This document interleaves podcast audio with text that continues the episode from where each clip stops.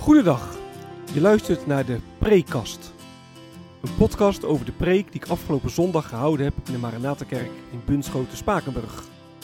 Fijn dat je luistert. Mijn naam is Gertjan van Harten. Wat kun je verwachten van deze podcast? De Preekast bestaat uit vier onderdelen. Ik begin met een korte introductie van de tekst waarover ik gepreekt heb. Vervolgens geef ik een korte samenvatting van de preek zelf. En met korte samenvatting bedoel ik ook echt kort. Tijdens mijn opleiding heb ik geleerd dat preken schrappen is. Niet alles wat je in de voorbereiding gevonden en bedacht hebt, kan terugkomen in de preek. Wat heb ik laten liggen wat het overdenken wellicht waard is? Daar wil ik het over hebben in het derde deel van de preekkast.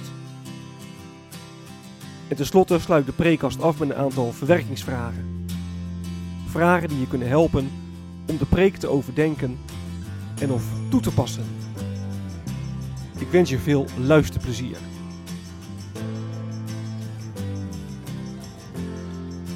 De tekst.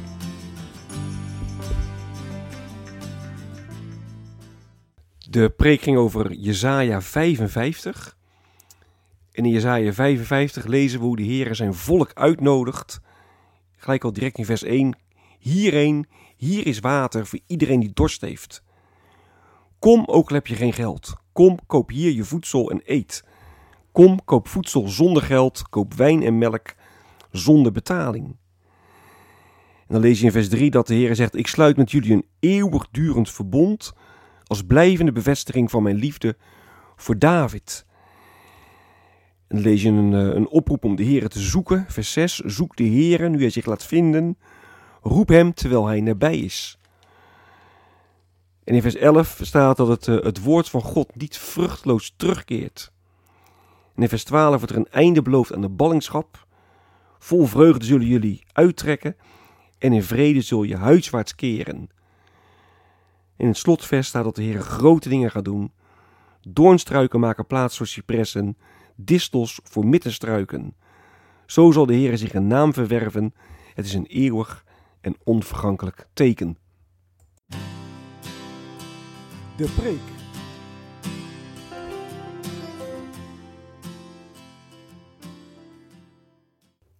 Goeie genade.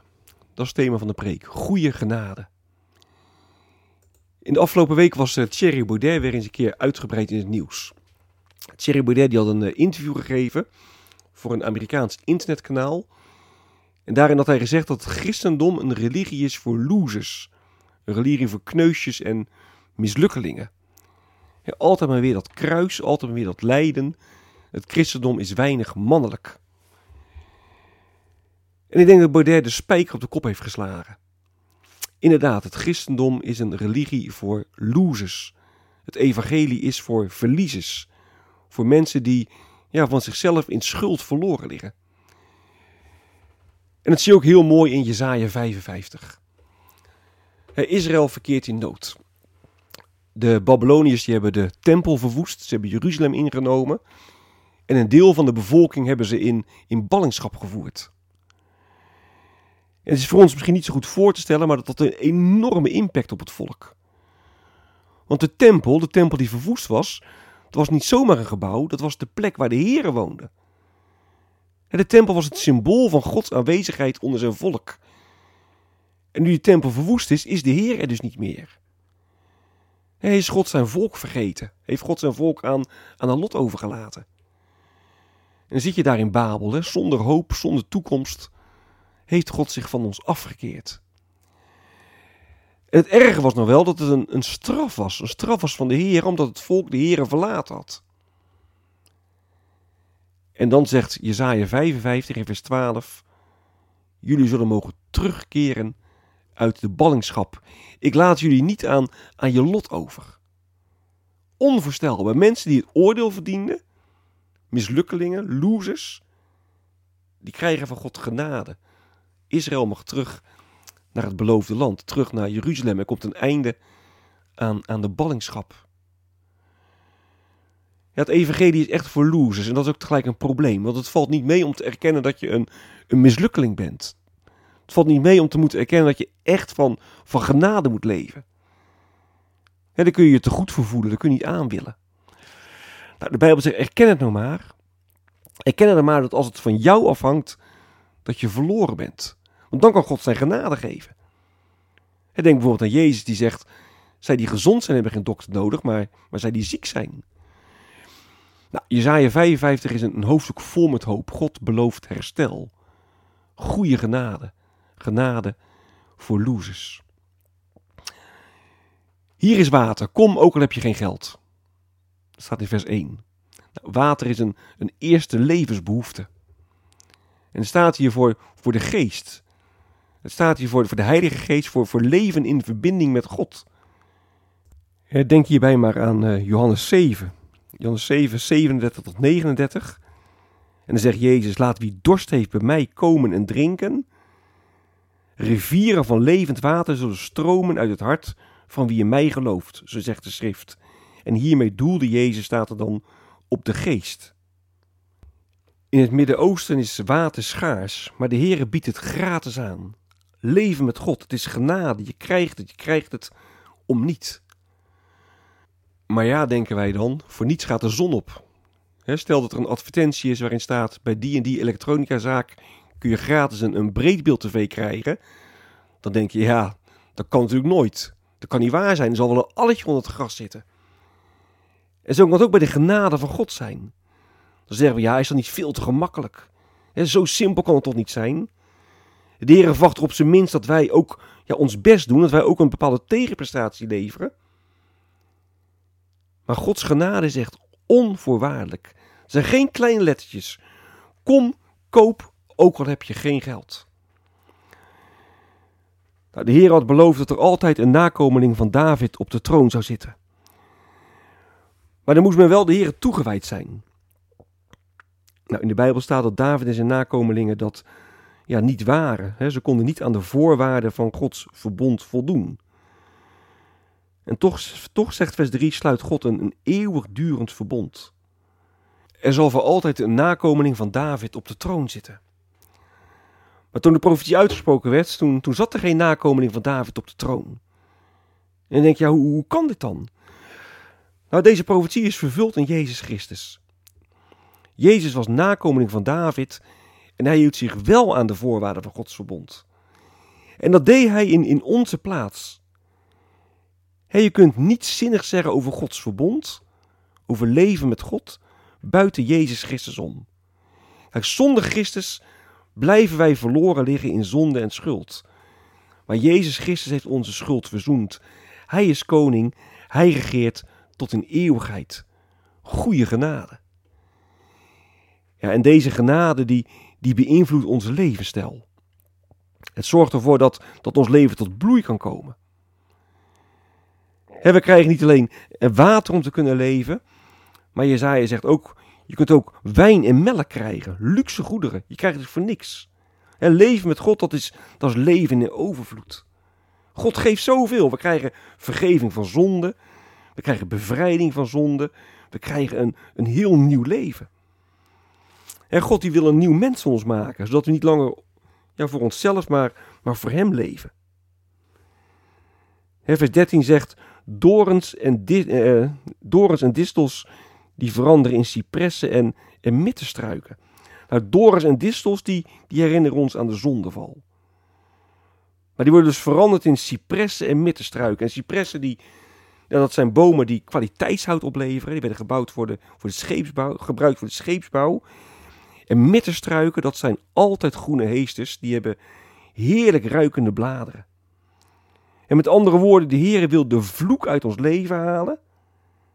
En hij wil ons een nieuw leven geven.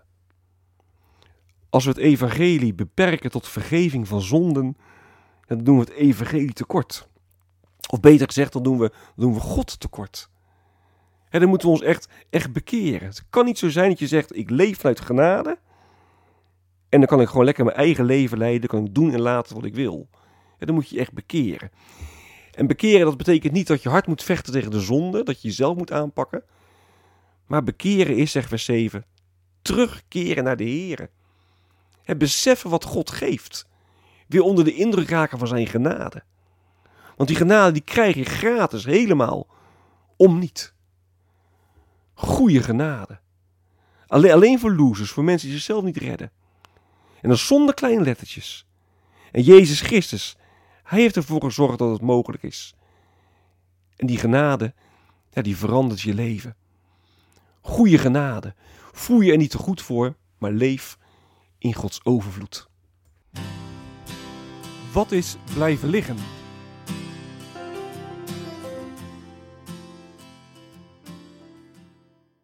Ik heb me in de preek vooral op uh, het aspect van de genade gericht. Maar ik had natuurlijk ook andere dingen kunnen uitlichten. Ik wil er een uh, aantal noemen.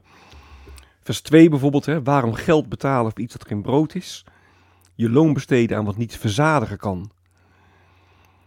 Leven zonder God kan je ja, ogenschijnlijk best wel veel brengen. Maar uiteindelijk bevredigt het niet. Hè? Afgoden geven geen rust. Ook daar kun je een aparte preek over maken. Over de onrust, de leegte die ja, niet gevuld kan worden door, door afgoden. En de leegte kan alleen gevuld worden door het evangelie van, uh, van Christus. In vers 3 gaat het over een, uh, is het volgende wat, het volgende ik wil noemen, over het eeuwigdurend verbond als blijvende bevestiging van mijn liefde voor David. je kunt natuurlijk de vraag stellen, wat betekent dat dan voor onze visie op, op Israël vandaag? Hoe moet je theologisch, hoe moet je politiek naar Israël kijken? Heeft Israël nog steeds een uh, aparte belofte? Of moet je zeggen, nou de belofte is in Jezus vervuld. Het gaat God niet om Israël, het gaat God, om de hele wereld. En daarom heeft het land Israël geen aparte betekenis meer. Of het volk Israël, of moet je daar geen onderscheid tussen maken? Nou, dat is een heel lastig onderwerp. Nou, niet eens zozeer inhoudelijk, maar het ligt natuurlijk bij heel veel christenen erg gevoelig. En voordat je het weet, ja, levert het uh, polarisatie op. En dat is ook de reden dat ik niet zo snel zal preken over het onderwerp Israël. Ik denk de prediking is er om het evangelie te verkondigen. Het evangelie van de genade, het evangelie van, van Jezus Christus. En ik wil die verkondiging niet in de weg staan door nou, mijn visie op Israël uh, uit te leggen. Want van tevoren al weet dat het, zij de ene, het zij de andere kant op heel veel uh, weerstand kan oproepen. Het derde punt wat ik wil noemen is vers 8 en vers 9. Dat gaat over de plannen van God. Hè. De Heer zegt: Mijn plannen zijn niet jullie plannen. En uh, mijn, mijn, mijn, wegen gaan jullie wegen te boven. Mijn plannen gaan jullie plannen te boven. En Gods plan kunnen wij niet begrijpen. Dat zegt iets over de grootheid van God. Zegt tegelijk iets over de beperktheid van ons. Nou, Gods plannen, de, de, hoe dingen gaan in het leven. Daar heb ik uh, in de preek uh, niks over gezegd. Maar daar kun je vanuit vers 8 en vers 9 een aparte preek over schrijven. En het laatste wat ik wil noemen, dat is vers 11. Waarin staat dat het woord van God niet vruchteloos naar de Heer terugkeert. Nou, de vraag is, wat, betekent dit? He, werkt het woord eh, van God altijd iets uit? Het zij bekering tot de Heer, het zij dat mensen zich ja, verharden of, of, of hun schouders erover ophalen. En als het woord van de Heer niet, niet vruchtloos terugkeert tot hem, moet je dan te pas, mag je dan te pas en te onpas het woord uh, van God vertellen aan mensen? Of, of betekent het iets anders? Nou, ook daar zou je een uh, aparte preek over kunnen maken. Ik heb in deze preek, omdat hij vooral over de genade ging, verder geen, uh, geen aandacht aan besteed. Verwerkingsvragen.